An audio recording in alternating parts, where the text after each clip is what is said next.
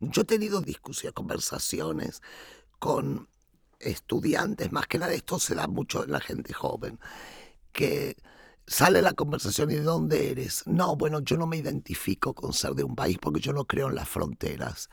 Y a mí eso, yo digo, bueno, pero las fronteras sí creen en ti. Entonces eso de que yo no creo en las fronteras es un, es un discurso súper violento para todos aquellos que no tenemos el privilegio de un pasaporte que te permite cruzar todas las fronteras, ¿no? Entonces a mí muchas de esas cosas, cuando no están pensadas en base a los que no pueden, a mí yo siempre digo, uff, pero lo ha pensado porque claro, este, me sale esta persona de, con pasaporte holandés que puede viajar por todo el mundo o, inclusive quedarse a vivir en toda la Unión Europea y me dice, no es que yo no creo en las fronteras. digo, claro, pero a nosotros nos deportan las fronteras. Entonces, que tú lo creas me parece fantástico, pero yo lo tengo.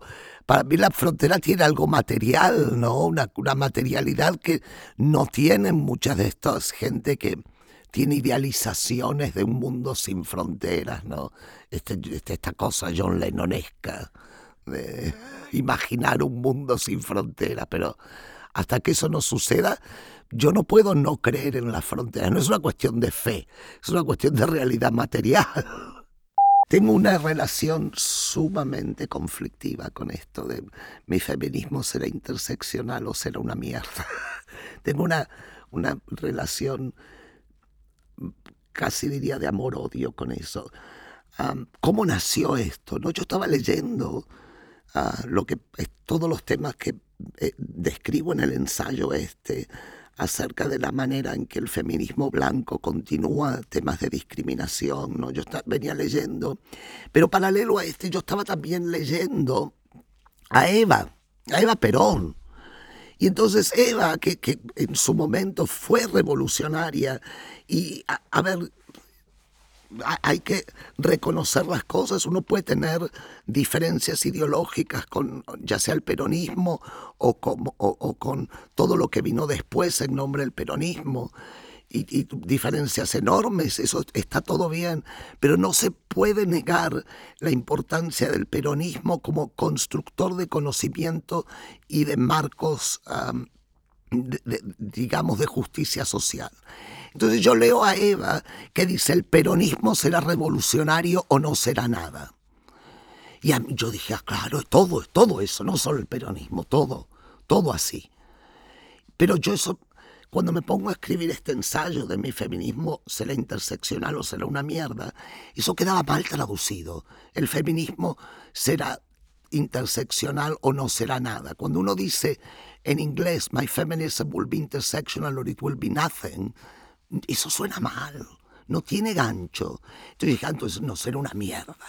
Pero lo que yo estoy haciendo ahí es reconstruyendo a Eva en ese texto. O sea, yo tomo lo que Eva dice, el peronismo será revolucionario, no será nada, y yo lo traduzco al inglés, que de esta manera torpe que uno traduce sin ser traductora, ¿no? Y, está eso que ahora la gente se pone en camisetas. Y yo a veces digo, ah, pero ¿saben que se pone una camiseta de Eva con eso? Que yo tomo esa genealogía y, y que eso es lo que se están poniendo. Eso no lo sabe nadie. La, razón por la que tengo una relación difícil con ese ensayo y con ese tiene que ver con lo que mencionaba hace un momento de apropiarse de cosas y luego hacerlas conocidas, ¿no? La apropiación, esto toca un poco con la apropiación cultural.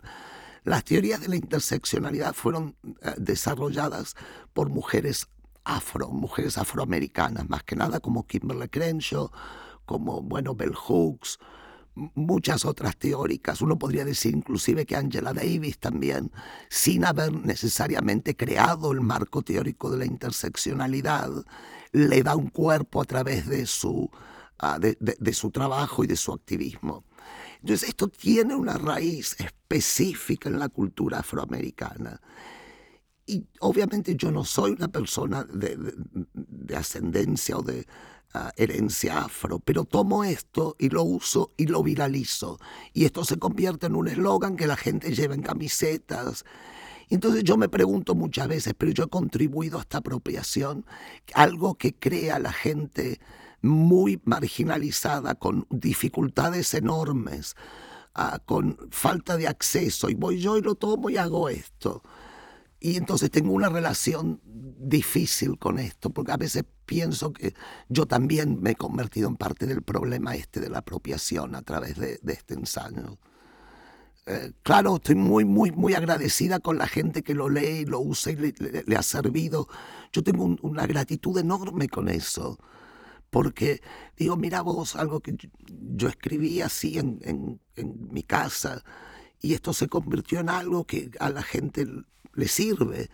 Y claro, como no voy a estar agradecida, pero por otra parte digo, tal vez no tendría que haber sido yo la que escribió eso. También no uno ha contribuido a que luego eso también ha habido una apropiación neoliberal del término interseccional, ¿no?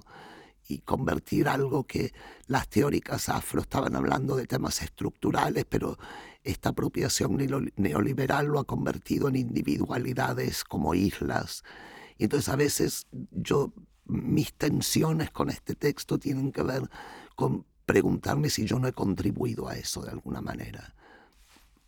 Contribuir un poco, yo no digo que este texto sea tan importante que haya sido la razón, pero no, uno contribuye con lo que pone ahí afuera, con lo que comparte. Entonces, a veces sí tengo un poco, hay, tensiones ahí, no, no es una cosa para mí que tengo resuelta. Imagínate la cara mía cuando vi que una revista, no sé si era Vogue o él, una de estas revistas habían hecho una nota y la foto que ilustraba la nota era un cartel enorme con esto de mi feminismo ser interseccional y mi nombre bajo. Era un cartel como uno de estos que la gente lleva a las marchas. Yo decía, joder, otra, volvemos a lo que hablábamos ayer, revistas que nunca van a mostrar cuerpos como el mío, pero ponen allí el nombre del eslogan, ¿no? Estas contradicciones, esta apropiación a mí me cae muy mal, me cae muy mal. Yo me he negado a hacer dinero con este ensayo, me he negado a venderlo, me he negado a hacer cualquier tipo de, bueno, de ganar con eso, porque es una teoría que ha sido desarrollada por un, eh, un grupo que siempre ha tenido problemas con el acceso a, ¿no? el acceso al a, a, ser reconocidos como generadores de conocimiento. Hay un tema de injusticia epistémica con el grupo de las mujeres afroamericanas. Entonces ahí vengo yo, que hago esto, escribo algo, se vuelve viral y luego encuentro la manera de hacer dinero con esto. Y eso es parte de ese sistema de colonialidad al cual yo he tratado de resistir con todo, ¿no? con, con uñas y dientes. Entonces me he negado a hacer dinero con eso. Publicado gratuitamente, pueden republicarlo cuantas veces quieran, siempre y cuando no nadie gane dinero con eso. Lo quieren poner en camisetas, sí, pero no venden la camiseta. Si la camiseta cuesta 10 euros y hay que pagar 10 euros, claro que sí. No estoy diciendo que la gente pierda dinero, pero yo me niego a que ni yo ni nadie gane dinero con eso. Eso es, para mí es pero violenta soy en eso, porque me han ofrecido muchas veces ponerlo en antologías de ensayo, ponerlo en, en sitios pagos, publicaciones. No, no, no. hay uno, hay inclusive un abogado que me ha estado tratando de contactar, un tipo que ya pensé en denunciarlo por acoso, porque quería que le dé permiso para ponerlo en una antología de ensayos feministas publicada por una de las editoriales grandes, grandes, eh, anglo. Y yo no le contestaba, porque una vez le contesté y le dije, si te tengo que contestar, te tengo que cobrar por el tiempo que me lleva a contestar esto. Y él seguía mandando correos. Y a veces se ponen violentos, como que no quiero más de esto. No, no, esto es, con esto no se puede hacer dinero. Eso es, hay una línea que uno tiene que trazar, ¿no? Yo hago dinero de muchas otras maneras, doy clase, participo en eventos. Con eso no. Y creo que ahí trato de tener una postura ética muy fuerte. Creo que eso es mm, la única línea que tengo para hacer dinero. Hablamos ayer de si yo participaría en algo de Gucci, ¿no? Si, si me ofrecen dinero, bueno, sí, claro, ¿cómo no? Pero no con eso otro porque además creo que ah, si volvemos a lo de la figura de Eva, creo que hay que ser coherente ¿no? con lo que uno está tomando y de dónde. Y hay que tener una coherencia interna en la producción de estas cosas. A ver, la gente lee lo que yo escribo, que eso siempre es una sorpresa para mí. La gente es muy responsable de ir a leer estas cosas, pero la gente lee. Entonces uno tiene que tener una responsabilidad ética hacia el que lee, hacia el que... Porque si no, ¿para qué hacemos esto? Si no, uno es un mercader. A ver, está bien. Si, si, a alguien le sirve que lo sea, pero me parece que sería antiético con lo que estoy tratando de decir. Tiene que haber como una coherencia entre lo que uno dice y lo que uno hace. Si se puede vender, si se puede monetizar, se monetizará. Eso es las reglas ¿no? del capitalismo y eso tiene que ver con lo que hablábamos ayer también, de que uno tiene que ah, rehusarse a veces eh, dentro de lo posible. Y entiendo también que en ese decir no hay un privilegio porque eso que si uno dice no a este dinero quiere decir que uno tiene otros recursos. Entonces yo siempre trato de ser muy cuidadosa en no juzgar al que no al, al que participa porque uno nunca sabe la circunstancia personal del que está participando. Pero yo en lo personal, desde que tengo los trabajos que tengo, hay cosas que yo digo, no, no, no, hay que tratar no de resistir dentro de lo que uno puede. Hay que tratar de decir, no, de esto no se hace dinero, esto no se vende, esto no está en venta. Ah, bueno, uno debería probar. El, problema también, y volvemos a lo, de, a lo del tema de la colonización, ¿no? Está aceptado, naturalizado y, completamente como internalizado en la cultura, que todo puede tomarse de donde sea, todo puede apropiarse y todo puede ocuparse, ¿no? especialmente por los poderes, o sea, en este caso las corporaciones, que las corporaciones son hoy día quienes continúan este proyecto colonial. No son siempre los estados, hay un rol del Estado, claro, pero las corporaciones son las que llevan la bandera de este colonialismo, ¿no? Porque el, acopio de recursos, la rapiña, todo eso ahora es, un tema corporativo. Los estados han tenido que, bueno, suavizarse un poco en esto y hacerlo, hacerlo de otras maneras, desde la administración de, de fronteras, desde la administración de, acceso a cosas, pero todo mucho más suavizado. El Estado en sí no puede, a menos que sea, no sé, Estados Unidos o, Rusia, no sé, ir a invadir y, y, rapiñar recursos. Se hace mucho más difícil. Entonces Holanda, por ejemplo, ha tenido que suavizar un montón de estas cosas, no porque les parezca suavizar, sino porque tampoco tienen la infraestructura ya para andar invadiendo nada. Pero ¿qué pasa? Ese, la rapiña ahora se transfirió a las corporaciones. Por eso yo ayer sacaba colación lo que la primera corporación eh, que se reconoce como tal es la Compañía de Indias Holandesa, que era la compañía que organizó todo el tema de la esclavitud ¿no? En, con, el Asia y con las Américas. Entonces, eso, eso es la historia corporativa, eso es la historia de la corporación. Y no ha cambiado. Ah, bueno, se ha refinado, pero no ha cambiado. Lo que hacen, y me, disculparán aquí, pero lo que hacen las corporaciones españolas en Latinoamérica, de, rapiña y de, de, extracción de recursos, ya sea recursos naturales, pero también humanos, ¿no? Eso es, eso es la continuación, pero ya casi diríamos de plantilla, ¿no? De la colonialidad. Y aquí voy a hacer una excepción cuando digo que los estados en general han tenido que suavizar la colonialidad porque ya no tienen los recursos para hacerlo de la manera brutal en que lo hacían. Hay, hay una excepción que voy a dar y es la Real Academia Española y esa administración férrea, violenta del uso del idioma. Y que todavía eso tenga validez hegemónica en todas las Américas, a mí me vuela la cabeza. Que todavía esta serie de, colonizadores, de señores mayores, que, a ver, lo más moderno que han leído ha sido la edición del periódico El País de esta mañana. Eso es como, ah, estamos en contacto con la realidad y eso es lo, y que ellos determinen cómo el idioma se puede usar y que todavía siga eso aceptado como práctica válida, ¿no? Entonces yo cuando hablo de colonialidad y digo un sistema que continúa aún cuando el colonizador se ha retirado, bueno, eso es eso. Que la Real Academia dice que no hay lenguaje neutro en castellano y todos nos aguantamos eso y decimos, ah, no, no hay lenguaje neutro. Y los países de Latinoamérica toman eso, esos dictados de la Real Academia y dicen, sí, esto es lo correcto. Yo digo, ¿cómo es lo correcto? ¿Y por qué seguimos con esa dependencia? Eso es, esa es la colonialidad. Eso es lo que Quijano teorizó, lo que Lugones teorizó también. Inclusive gente como Walter Miñolo sigue teorizando estas cosas.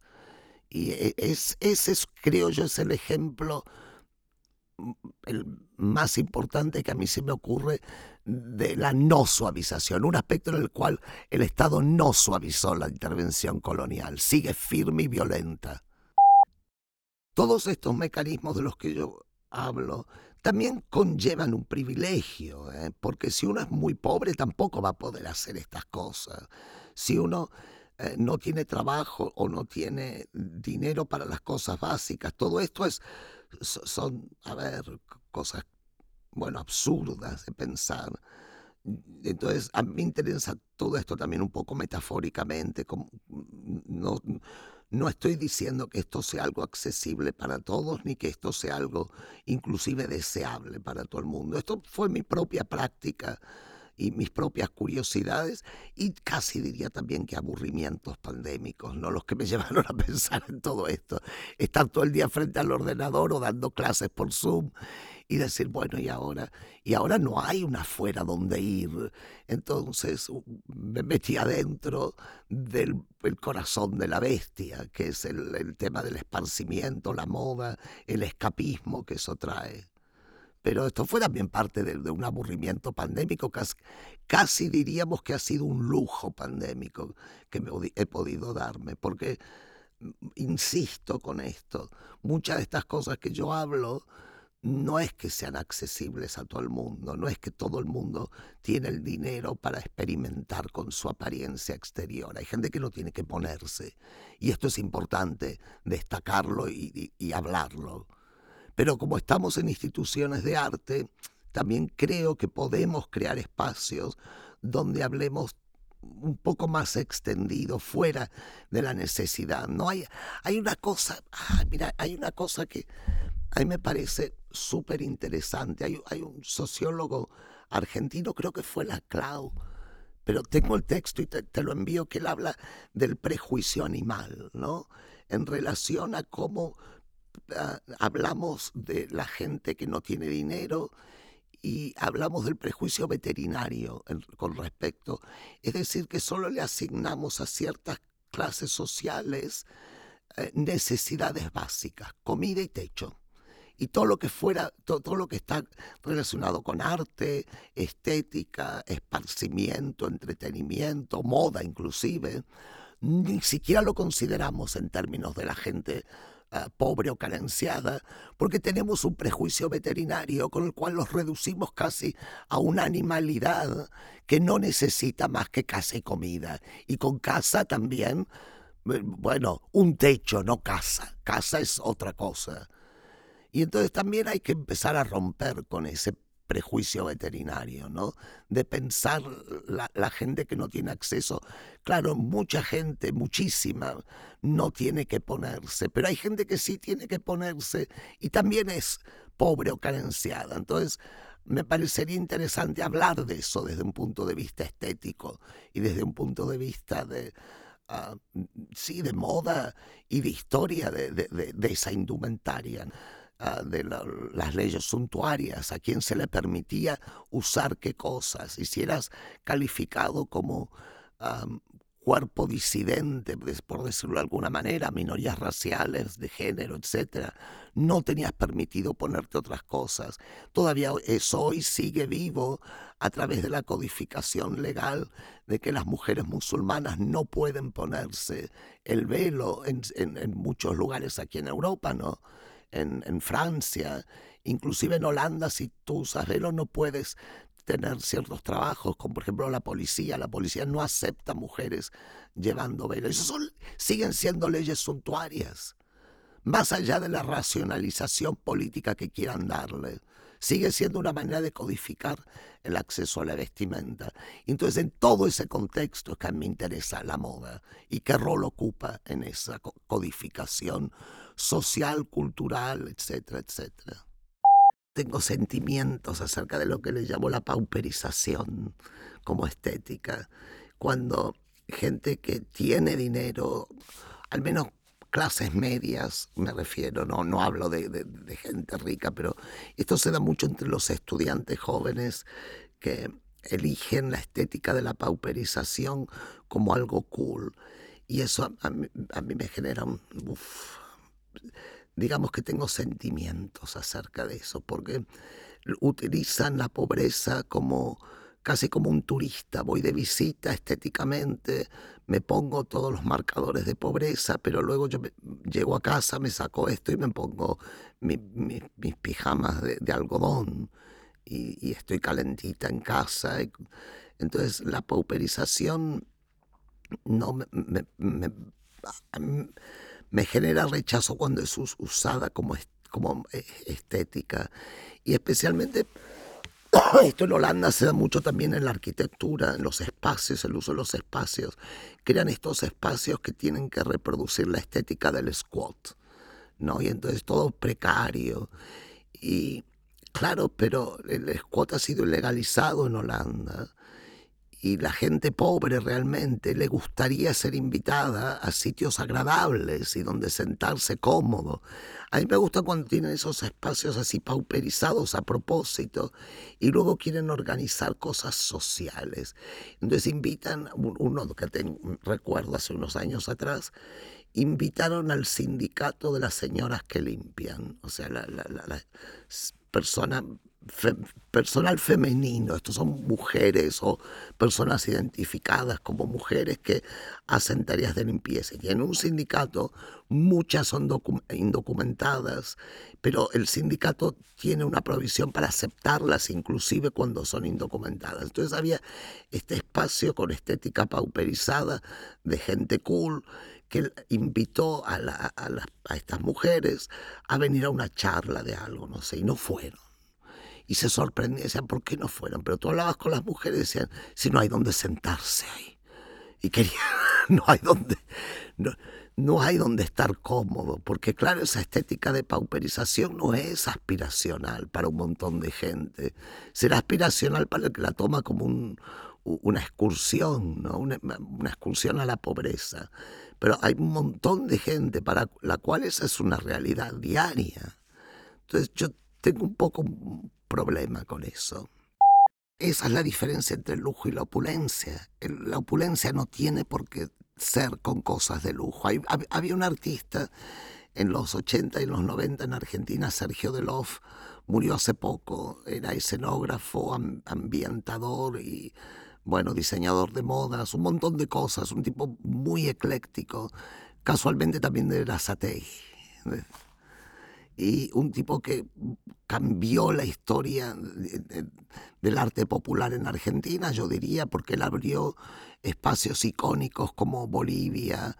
Ah, el, Bolivia era el nombre de un eh, espacio multiuso para performances, para cenas o para, bueno, un montón de cosas.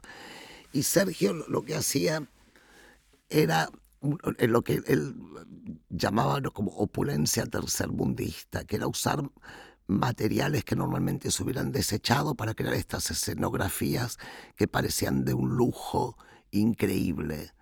Y unos espacios que parecían palacios pero estaban hechos de cartapesta y de Y ahí es, ese es lo, a lo que yo voy cuando hablo de opulencia. Yo no hablo de comprarte la cartera de Hermes de, de, 10.000 euros, sino de generar el mismo sentido de satisfacción personal con lo que haya mano y el mismo sentido de apariencia. Ahora bien, hay otro punto de cómo hago para desplegarme de esa idea aspiracional del lujo, como, como hace cualquier persona. Y yo creo, a ver, yo creo que aquí estamos poniendo nuevamente el acento en una solución individual a un, a, un problema estructural. A mí me interesaría más la pregunta de cómo hago para disciplinar a estas corporaciones que, que, crean el problema en primer lugar, ¿no? ¿Cómo hago para eliminar estos factores que llevan a la desigualdad? Y eso, el comportamiento no es del receptor el problema. Bueno, sí, claro, es el problema, uno puede elegir no comprar estas cosas y de hecho yo lo elijo y lo elige mucha gente, pero el problema es cómo, cómo se lleva una disciplina corporativa para que estas cosas no tengan lugar, para que los desechos, la creación de, de basura, la contaminación, eso tendrá mucho más impacto que, que una niña de 12 años quiera tener, no sé, un maquillaje determinado, que dice, no, no hay que consumir esto, aquello. Seguro, no, no, no estoy diciendo hay que consumir, ¿eh? pero hay que, estoy viendo el impacto que tendría eliminar las maneras en que las corporaciones contaminan, me parece que va a tener mucho más impacto y mucho más a largo plazo que disciplinar el consumo individual de las personas. Eso primero que no va a funcionar porque, mira, si no nos negamos a usar mascarilla frente a algo que está matándonos ahora, imagínate cómo, vamos a hacer para disciplinar a millones de personas para algo que ni siquiera parece tener un horizonte, como es el cambio climático catastrófico. lo veo difícil. Entonces, si no vamos a lograr una disciplina desde ese ángulo, bueno, vamos al que provoca el problema en el primer lugar, ¿no? Ayer me quedé pensando en ah, algo que hablábamos respecto al, proyecto de arte de Quincy Gario de ponerse una camiseta que diga uh, Pitt es racismo, ¿no? Y tanto el mundo del arte como la cultura dominante leyeron ese gesto como activismo, no como arte, no como una manifestación, no como una performance, como un acto performático de pararse frente al poder y decir algo. Y yo pensaba mucho como, no sé, algo para ya caer en el cliché, si Duchamp pone un urinal, eso es arte. Pero si una persona afrocaribeña holandesa se pone una camiseta, eso es activismo. Y entonces, ¿cómo es, cómo es eso? ¿Cómo funcionan e, esos, e, ese marcar límites, no? Y en la escuela de arte, esas cosas no siempre tienen espacio para ser como disecadas, habladas, ¿no? A ver, desenmarañadas. No, eso es terrorismo, claro, fue, fue, fue codificado como tal. ¿eh? Y era un gesto con intención artística, con intención performática, con intención de, interrumpir ¿no? discursos dominantes. Y todavía hoy en día eso es activismo, es otra cosa. No, ¿cómo es eso? La banana es arte, pero la camiseta no. ¿Cómo es eso? Pero yo, yo no busco estas cosas. Estas cosas me las recomienda también un poco el algoritmo, porque claro, yo voy viendo muchas cosas. Yo sí sigo en WeChat a varias personas en China y hablo inclusive con ellas. Hemos tenido algunas charlas o usando el Google Translate, porque yo no hablo chino, obviamente, no hablo chino, pero usando Google Translate he hecho preguntas y son gente súper amable porque están vendiendo artículos de lujo ellos. Y eh, yo uso WeChat para seguir esto, pero ¿qué pasa? Luego que tú sigues esto, yo uso, yo también uso mucho Taobao, ah, que es la plataforma de e-commerce que es solo para China. Taobao no, no envía cosas aquí a Europa. Si tú quieres comprar algo en Taobao, tienes que tener un agente de compra en China que te lo manda luego. O sea, hay un intermediario.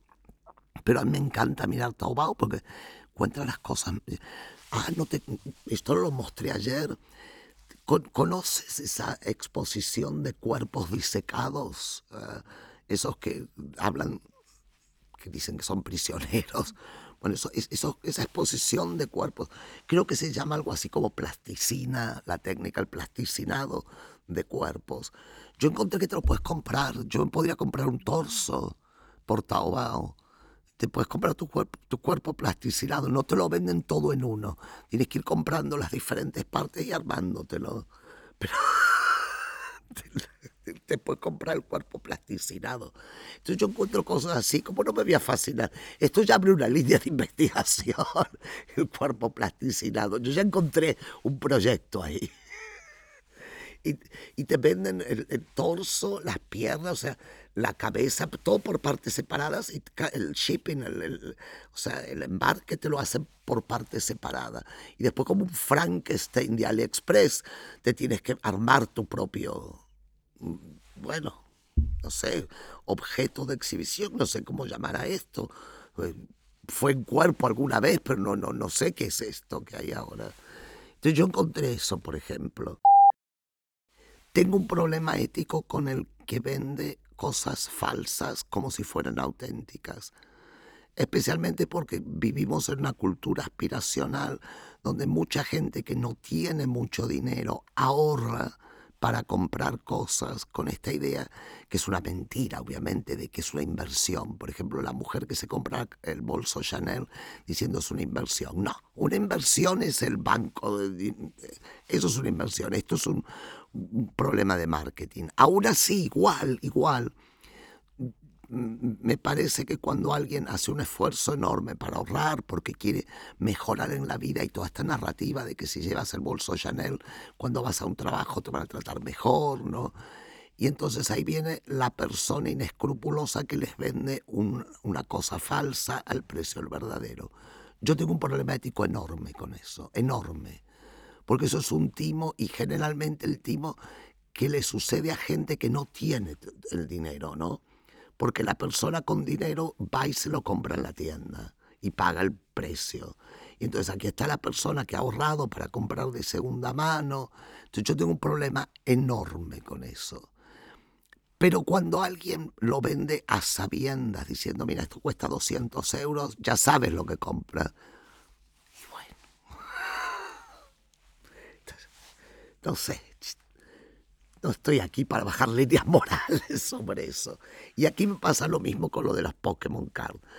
Si alguien hace esas cartas para uso personal o para distribuir con sus amigas o con quien, obviamente me parece gracioso y me parece absurdo el precio. De... Ahora, cuando están estafando a gente, tengo un tema. Inclusive, yo tengo un tema con lo de que, bueno, pero si estafan a alguien rico, sí, pero igual. vamos a abolir la propiedad privada, vamos a abolir la, eh, la, acumulación de capital y todo eso, pero hasta que eso suceda, no hay por qué ser crueles contra nadie, ¿no? No sé, me pasa un poco eso. Distinto es un banco, si se las vendes a un banco, ahí no voy a, no voy a objetar. Que además te voy a decir algo, Tú dices desde el privilegio. No, no es desde el privilegio. En realidad lo que tú sientes es correcto porque tú has vivido con un, bueno, no hablo de tu historia personal, pero aquí, ¿no? con acceso a ciertas cosas. Y ahora es normal, natural y completamente entendible, natural, dije entendible que digas, no, pero esto es una mierda, yo no puedo seguir en ese camino. Pero entonces pienso en la persona inmigrante que nunca ha tenido acceso y lo quiere todo ahora. Ahora lo quiere todo. Claro, son dos realidades diferentes, no son, no es que tu realidad o la de esa persona estén mal o equivocadas, son diferentes. ¿Cómo hacemos para compatibilizar estas dos situaciones? No sé. Pero hay otro tema que nunca, nunca entran en estas discusiones, las emociones, ¿no? la sentimentalidad y el sentir. Yo siento que quiero algo, yo siento que no lo quiero más. Entonces para la política esto es mala palabra. Todo tiene que ser como racional y no es así, no es así. Yo decía ayer que algún día alguien me dará el presupuesto para hacer una exhibición sobre Dapper Dan ah, en un museo, o sea, en uno de los museos europeos, Stedelijk en Ámsterdam o aquí mismo, porque me parece que Dapper Dan, bueno, es la persona, el diseñador, es, él es eh, una persona afroamericana de Harlem, en New York, y él creó, podríamos decir, la logomanía. Dapper Dan, hay, hay, un, eh, un, reportaje súper interesante que lo recomiendo a todo el mundo que lo lea en el New York Times, a, a, Dan, donde él cuenta que... Uh, él veía que la gente rica llevaba un logo y que ese logo les confería un estatus y los hacía sentirse más ricos. Y él hablaba de los logos de Gucci y de Louis Vuitton específicamente. Decía, si con un logo la gente se siente tan poderosa, ¿qué pasa si yo cubro a alguien en estos logos? entonces él creó estos atuendos cubiertos de logos de Louis Vuitton y de Gucci, una, una cosa pero exageradísima de logos enormes en algunos casos, o todos estampados pequeñitos, pero toda la persona cubierta de estos logos. Y eso fue adoptado por eh, grupos de rap, grupos de hip hop, gente de la cultura ah, de New York de, su momento, y se convirtió en algo muy popular muy popular dentro de estos grupos eh, demográficos, ¿no? Pero a Gucci no le gustó y lo, lo llevó a juicio. Y bueno, lo llevaron a la bancarrota, claro. Él, sufrió muchísimo. Inclusive también sufrió, él habla esto en el reportaje, las burlas que le hacían. Inclusive otros afroamericanos, otras personas afroamericanas que se encontraban con su trabajo, se le reían porque no lo tomaban en serio, no lo tomaban como una expresión artística. Pasó el tiempo y Gucci lo contrató ahora hace un 30 años después, casi, Gucci lo contrató para ser uno de sus directores creativos, porque Dapper Dan inventó algo que no existía ese momento, que es la logomanía. Y él le creó una expresión estética que no existía hasta ese momento. Y entonces el mainstream de hace 20 y pico, 30 años atrás, en los 80, se burlaba de eso lo veía como algo barato, de poca calidad, estéticamente asqueroso. O sea, las críticas que él tenía en su momento eran muy violentas. Y ahora es la estética predominante en el mundo de la moda. Ahora es lo que todo el mundo quiere llevar, ¿no? Y es lo que inclusive, claro, Ahora vemos chicas y chicos jóvenes blancos que mueren por llevar esas, esas ropas que Dapperdan hacía para rappers en 1983.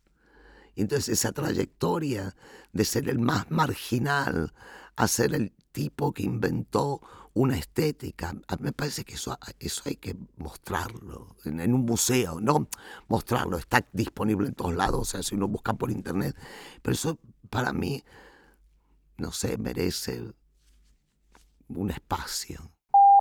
Tú quieres una bolsa Birkin de Hermes, que es una de las más icónicas. Hay dos bolsas de Hermes que son las más icónicas, la Birkin y la Kelly. Entonces tú quieres una Birkin o una Kelly. Entonces dices, bueno, pues va a la tienda, ves qué colores están disponibles, te compras tu Birkin que cuesta 8.000 euros y te vas a tu casa tan contenta. No. Tienes que tener un historial de compra con Hermes para que te vendan una Birkin. Y ese historial de compra incluye ceniceros, chanclas, cosas que no, no, quieres. A ti, tú quieres la Birkin. No, pues ceniceros, chanclas, chalinas, toda una serie de cosas que tienes que ir comprando durante años para que te ofrezcan la Birkin no, tú no vas a comprar la Birkin.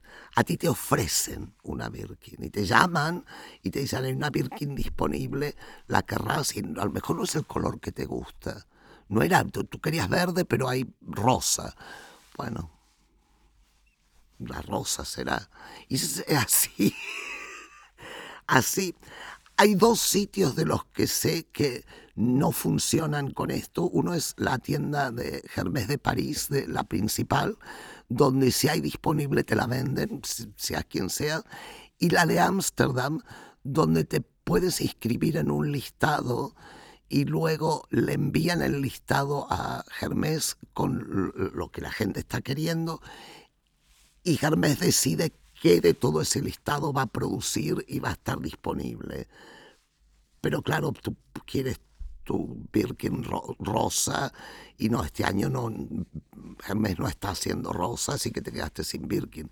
Pero eso de tener que comprar para que te la ofrezcan, todo Estados Unidos funciona así, muchos sitios de las tiendas de Hermes yo no podía concebir que te tengas que comprar 10 ceniceros antes de que te ofrezcan una Birkin. O sea, ¿cómo que tienes? Si no te... Porque en los foros de moda hay mucha gente quejándose. Hoy hay un video, hay un video fantástico de una chica que ah, la, vendedora de Hermes la tuvo que bloquear en, todos los, en todas las plataformas porque la acosaba, porque ella había estado comprando, bueno, cositas así como ceniceros y, chalinas durante años con la esperanza de que para su cumpleaños número no recuerdo cuánto, finalmente Hermes le ofreciera una Birkin. Y eso no sucedió. Hermes no le ofreció la Birkin.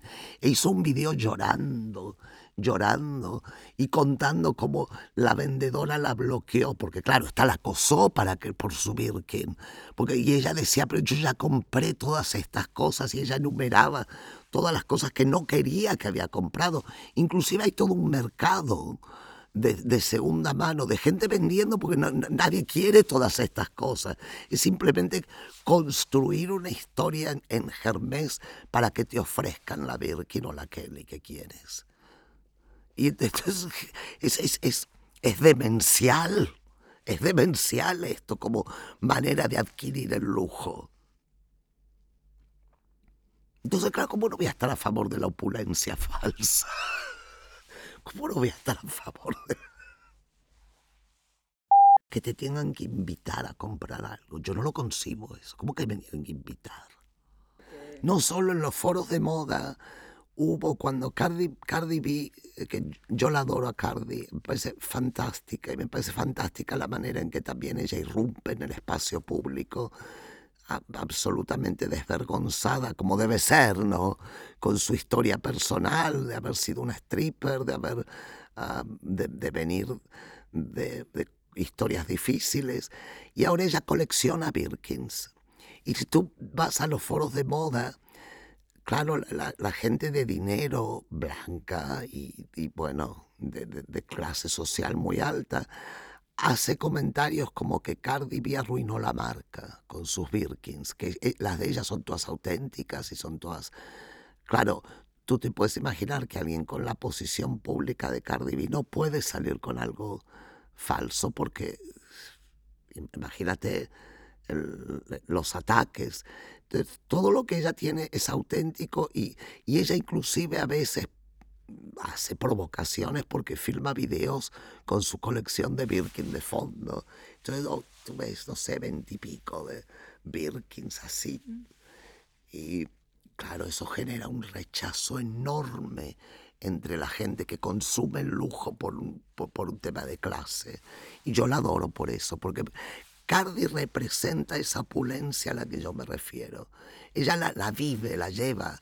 ¿no? O sea, Rihanna es otra persona que a mí me gusta mucho y también Beyoncé, pero yo creo que ellas hacen más ah, del estilo su, su presencia, ¿no? Es, un, es una cuestión estilística. Cardi no, Cardi es opulencia. Todo lo que lleva tiene que parecer y ser. Así, Cardi ha aprendido de Vita, no estoy diciendo que haya aprendido de, Eva en el sentido literal, pero es ese mecanismo de ponerte lo que no te corresponda. Y Cardi lo hace como ninguna otra popstar. A mí me encanta eso. Me encanta. En Argentina la Iglesia Católica también hablaba de la, la naturaleza, ¿no? Y lo que pasa con la naturaleza también es que cuando tú excluyes, por ejemplo, eso de que eh, la célula básica de la sociedad. Y entonces cualquiera que ataque a la célula básica de la sociedad es un virus al que hay que eliminar, porque eso tiene consecuencias. O sea, si tú dices la familia es la célula básica de la sociedad, entonces la represión de la dictadura es el sistema inmunológico que nos protege del ataque del virus. El virus no, pero entiendes cómo el discurso de lo que es la naturaleza justifica la destrucción de la bacteria. O sea, todo el que no es como lo que la naturaleza dice. Y por eso a mí me da tanta alergia lo de la naturaleza, no es lo natural. Uy, nos enseñaban en la escuela lo de las leyes naturales. Entonces, ¿cómo las leyes naturales? Pues me llevó años eh, darme cuenta de eso. Pero las leyes naturales, ¿cómo las leyes naturales? La única ley natural que, que uno tiene que respetar es la ley de gravedad. Porque, pero fuera de qué son las leyes naturales que sale el sol cada mañana. Pero esto de tratar de hacer, que el comportamiento humano y las normas culturales sean como parte de la naturaleza, eso es parte del mecanismo fascista, ¿no? De, de, disciplinar. Eso es muy fascista eso.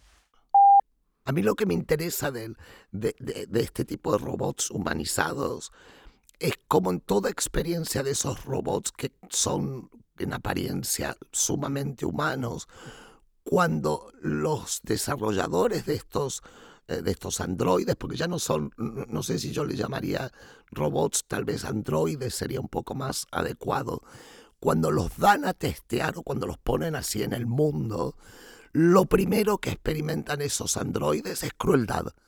La gente les pega, los ataca, los hiere. O sea, hay una cosa de un rechazo con violencia. Es como una versión exageradísima de lo que nos hacemos los unos o los otros, los humanos, ¿no?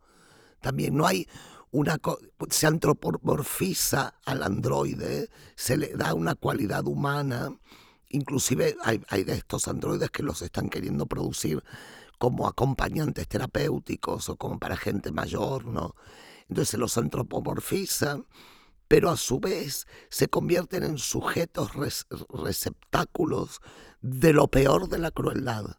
Y a mí, yo no sé muy bien qué hacer con esto, no, no sé qué hacer teóricamente. Digo, ¿qué, ¿Qué es esa necesidad de destruirlo todo, de herir, de, lastimar, inclusive cuando es un objeto que no, a ver, le da igual, no, no es que siente, o al menos no siente en el sentido que nosotros codificamos, ¿no? Porque aquí ya me voy a poner casi en delirios drogadictos, cuando podemos hablar de temas de física cuántica y de composición molecular y si las moléculas, son capaces de sensaciones o la, la estructura molecular es capaz, si eso de alguna manera constituye una forma de conciencia. pero eso ya sería otro campo, ¿no? Pero en el campo en el que estamos nosotros de las percepciones humanas, el, androide este no siente, pero igual lo matamos a palos, lo molimos, lo molimos a palos o lo, maltratamos. Yo no sé qué pasa con eso, no sé de dónde viene eso todavía, no, he podido entenderlo. Y otra cosa que me interesa de, los robots es esta fábrica de robots ah, Boston Dynamics, que hace unos, unos robots con forma de perro y luego, bueno, perro, bueno, una, una cosa canina, digamos, no sé si llamarle perro, y hacen videos con estos perros robóticos bailando y haciendo gracias, ¿no? Entonces yo pienso, esto es una empresa de desarrollo militar y ese perro que ahora todo el mundo viraliza porque es tan simpático, porque está tuerqueando, ese es el perro que va a ir a reprimir manifestaciones dentro de un par de años.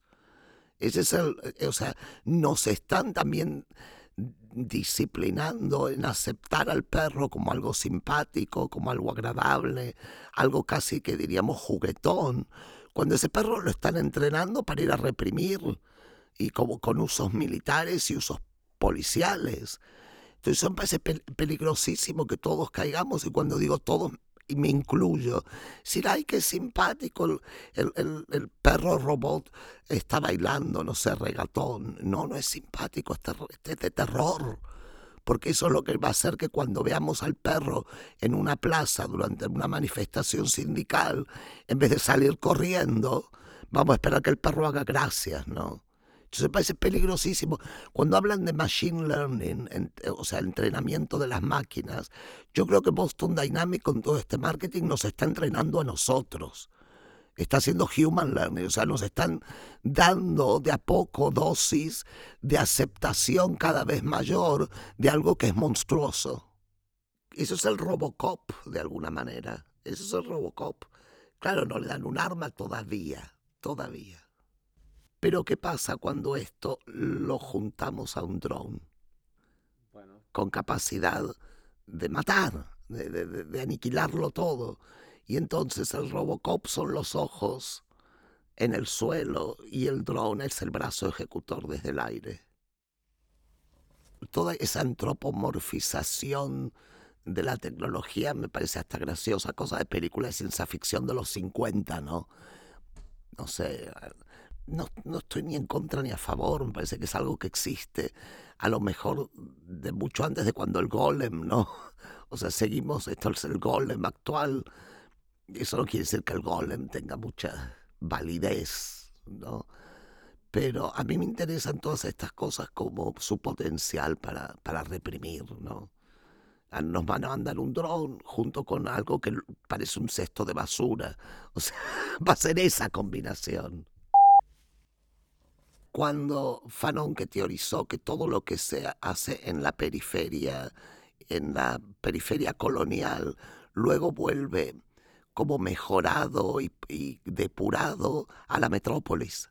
Entonces, si se está haciendo ahora en Irak o en, donde fuere que se está haciendo, y en 5 o 10 años va a estar aquí en las metrópolis, ¿no? Como, pero ya muchísimo más como mejorado de, calidad y de, ejecución, ¿no?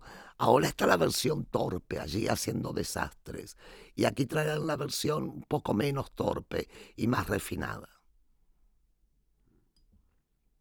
Bueno, esto es interesante como, como comentario histórico, ¿no? Lo, de cómo las cosas van de, la periferia al centro de poder. cuando hubo la guerra de, independencia de Argelia, la policía ah, francesa en Argelia usaba métodos de tortura que inventaron ellos. Esto fue está documentado porque inclusive escribieron libros de entrenamiento de métodos de tortura. Eh, esos métodos de cubrirle la cabeza a un prisionero con, con bolsas o de meterle la cabeza en un cubo de agua hasta que casi se ahoga y luego sacarle. Esos métodos de tortura los, los implementó así de manera masiva la policía francesa en, en, Argelia durante la guerra de independencia. Esto fue en el 50 y algo. Luego estos mismos, claro, cuando Argelia finalmente se independizó y esta gente se quedó sin trabajo, ah, muchos se convirtieron como en académicos de la, de la tortura y la represión, y fueron los que les enseñaron a los militares argentinos los métodos de tortura que luego se implementaron en la dictadura argentina del, del 76 en adelante. Estos fueron los métodos de desaparición de personas, de, de, tortura. Y ahora lo que pasó es que luego eso se depuró y se como que lo hicieron de más eficiencia y fue lo que usa eh, Estados Unidos en las guerras. Entonces, fíjate la trayectoria que estas cosas pasan desde la periferia colonial a otra periferia ya sudamericana y luego al imperio ¿no? en sí, y donde se aprende como metodología militar. Y estas son trayectorias que están documentadas, esto no son especulaciones de, bueno, los métodos. No está documentado cómo esta gente ha ido escribiendo libros que se sabe quiénes lo leyeron y quiénes los usaron como material pedagógico, ¿no? Pero ahora con los robots va a pasar lo mismo, porque aquí cambiamos las tecnologías en vez de una picana eléctrica. Van a usar un, robot, pero la metodología es la misma. Yo tengo una como una preferencia por el materialismo, ¿no? O sea, como punto de vista filosófico. A mí me interesan muchísimo las condiciones materiales de todo. La, pobreza, vamos, me interesa la pobreza y la exclusión eh, como como temas casi diría preponderantes. Entonces por eso tiendo, tiendo a meterme con las condiciones materiales de las cosas. En ese aspecto los deepfakes no es que no me hayan interesado, al contrario, me parecen fascinantes, pero siempre le he metido más mm, interés a todo lo que sea, sí, material, por ese motivo de, interés en cómo se crean las estructuras de exclusión. Entonces, a partir de eso no tengo tanto para reflexionar sobre los deepfakes como tal vez sí tengo para reflexionar sobre un bolso falso, ¿no? o sea, ¿eh? es más, creo que van a ser, creo que los deepfakes van a ser como el, el, tronco sobre el cual la nueva generación de fake news va a estar construido porque es precisamente si volvemos a lo de la materialidad, el deepfake le otorga materialidad al fake news, mientras que no hay evidencia con la mayoría de los fake news, porque de dónde van a sacar videos de extraterrestres, como sostienen algunos grupos conspirativos, ¿no? O, dónde van a sacar videos de, de sacrificios humanos, como tantas de estas bueno, teorías conspirativas sostienen, pero el deepfake permite la creación de esa evidencia. Entonces yo creo que eso va a ser en los próximos cinco años, diez, no sé cuándo, lo que les otorgue mm, como la pata de credibilidad que hoy día carecen estas teorías conspirativas. Y ese es el terreno en el cual me parece que ah, voy a ir prestando atención, ¿no? ni que decir, y hay otra cosa, ni que decir el elemento extorsivo ¿no? del deepfake, con todo lo de la falsa pornografía, ¿no? Gente que le hacen un deepfake en posiciones, bueno, muy comprometidas, que además no tienen nada que ver con la realidad de esa persona, pero se trata de extorsionar. Eso también me parece interesante como expresión patriarcal, ¿no? Como como movimiento casi diría de control patriarcal hacia ciertos cuerpos, cierta gente. Y eso sí hay, me parece que hay algo para ver, para hurgar. La academia como existe hoy ya tiene un elemento de irrelevancia, ¿no? Ya tiene un elemento de, de, de ser una cosa medio inservible. Lo que pasa es que como da un cartón que entrega validez intelectual, porque ese cartón con el que te recibes, que dice que tienes un, un posgrado, una maestría, lo que fuera, eso todavía tiene un valor, pero con la precarización y con la falta de espacios de, empleo pleno, ese cartón cada vez vale menos. Y entonces esa va a ser la desgracia de la academia. Creo que puede llegar a ser, y no quiero hacer futurología porque es eso, uno no tiene todos los parámetros para poder predecir lo que va a pasar, pero yo creo que la precariedad que la academia ha impuesto como modo de, de empleo y modo de labor, de administración de la labor, también va a ser lo que derrumbe a la academia porque van a crear las condiciones con las cuales ya el cartón va a ser irrelevante.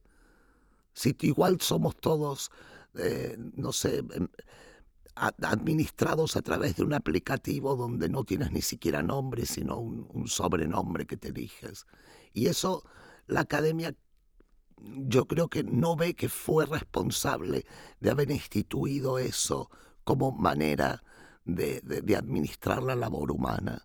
Porque la academia no solo reproduce estos discursos a través del material bibliográfico, sino a través de la cual emplean a la gente que, enseña allí, ¿no? Hoy día, yo no sé aquí en España, pero en Holanda, una de las eh, labores más precarizadas es la labor de educación.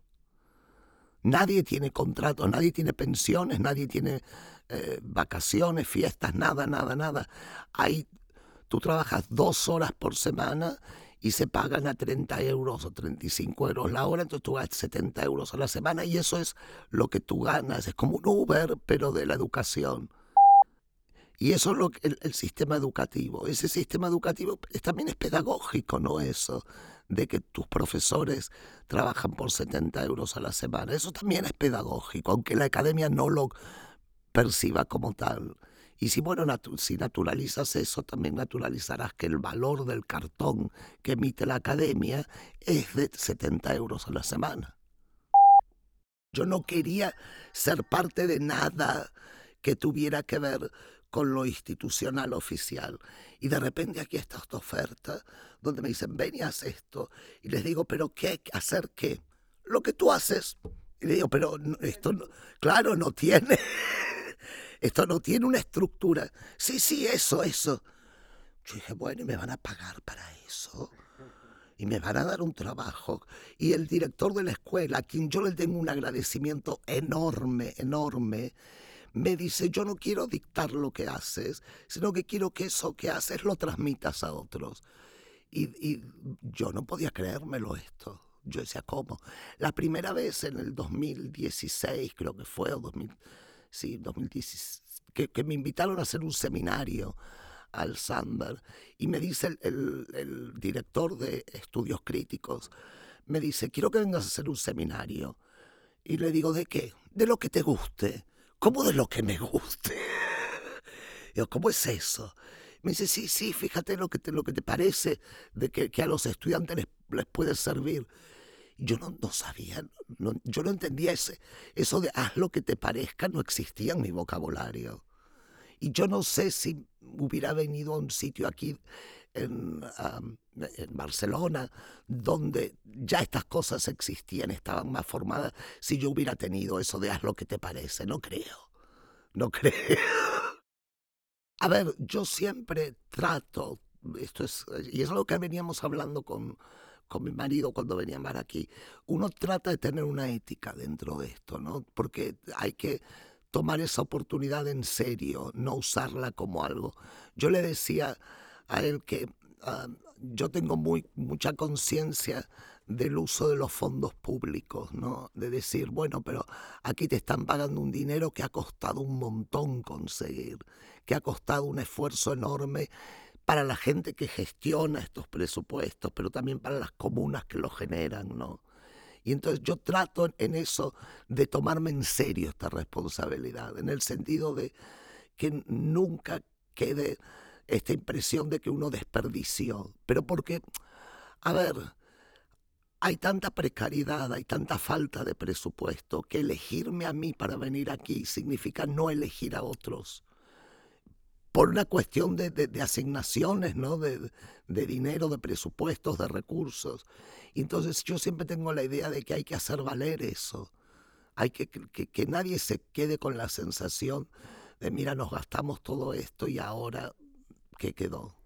Entonces a mí yo el trabajo de Summer lo tomé un poco también con esa mentalidad, que puede no gustar lo que yo haga, eso está bien, eso es, eh, es parte ¿no? del juego, de que alguien diga, no, a mí todo lo que haces me parece horrible, inútil, bueno, está bien, pero que nadie diga, mm, esto, eh, estamos regalando esto, ¿no? alguien no se lo ganó. Eso me da un poco... Pero, a ver, no es porque yo quiero que la gente piense, ay, trabaja tanto, no, eso me paso de todo eso, sino porque pienso en toda la gente que ha sido excluida para que uno pueda tener ese lugar.